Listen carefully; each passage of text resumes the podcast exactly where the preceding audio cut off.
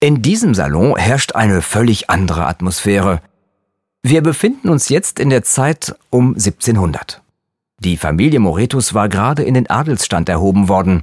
Der Stammvater Plantin war da bereits über 100 Jahre tot. Die Familie Moretus erhielt den Titel eines Junkers. Dazu gehörte natürlich ein feiner Lebensstil mit viel Luxus. Das erkennt man in diesem Zimmer auch an dem französischen Goldleder, dem Teeservice aus Porzellan mit dem neuen Familienwappen, der Pendüle im Stil Ludwigs des 15. Und natürlich an den Familienporträts der ehemaligen Bewohner. Sie lebten hier zwischen 1650 und 1750. Einige von ihnen haben den Verlag geleitet. Über der Tür zum nächsten Saal Nummer 29 sehen Sie beispielsweise ein Jugendbildnis von Balthasar III. Moretus. Ihm direkt gegenüber hängt ein Porträt seiner Frau Anna Maria de Neuf. Neben dem Schrank blicken uns zwei ihrer drei Söhne und deren Frauen an.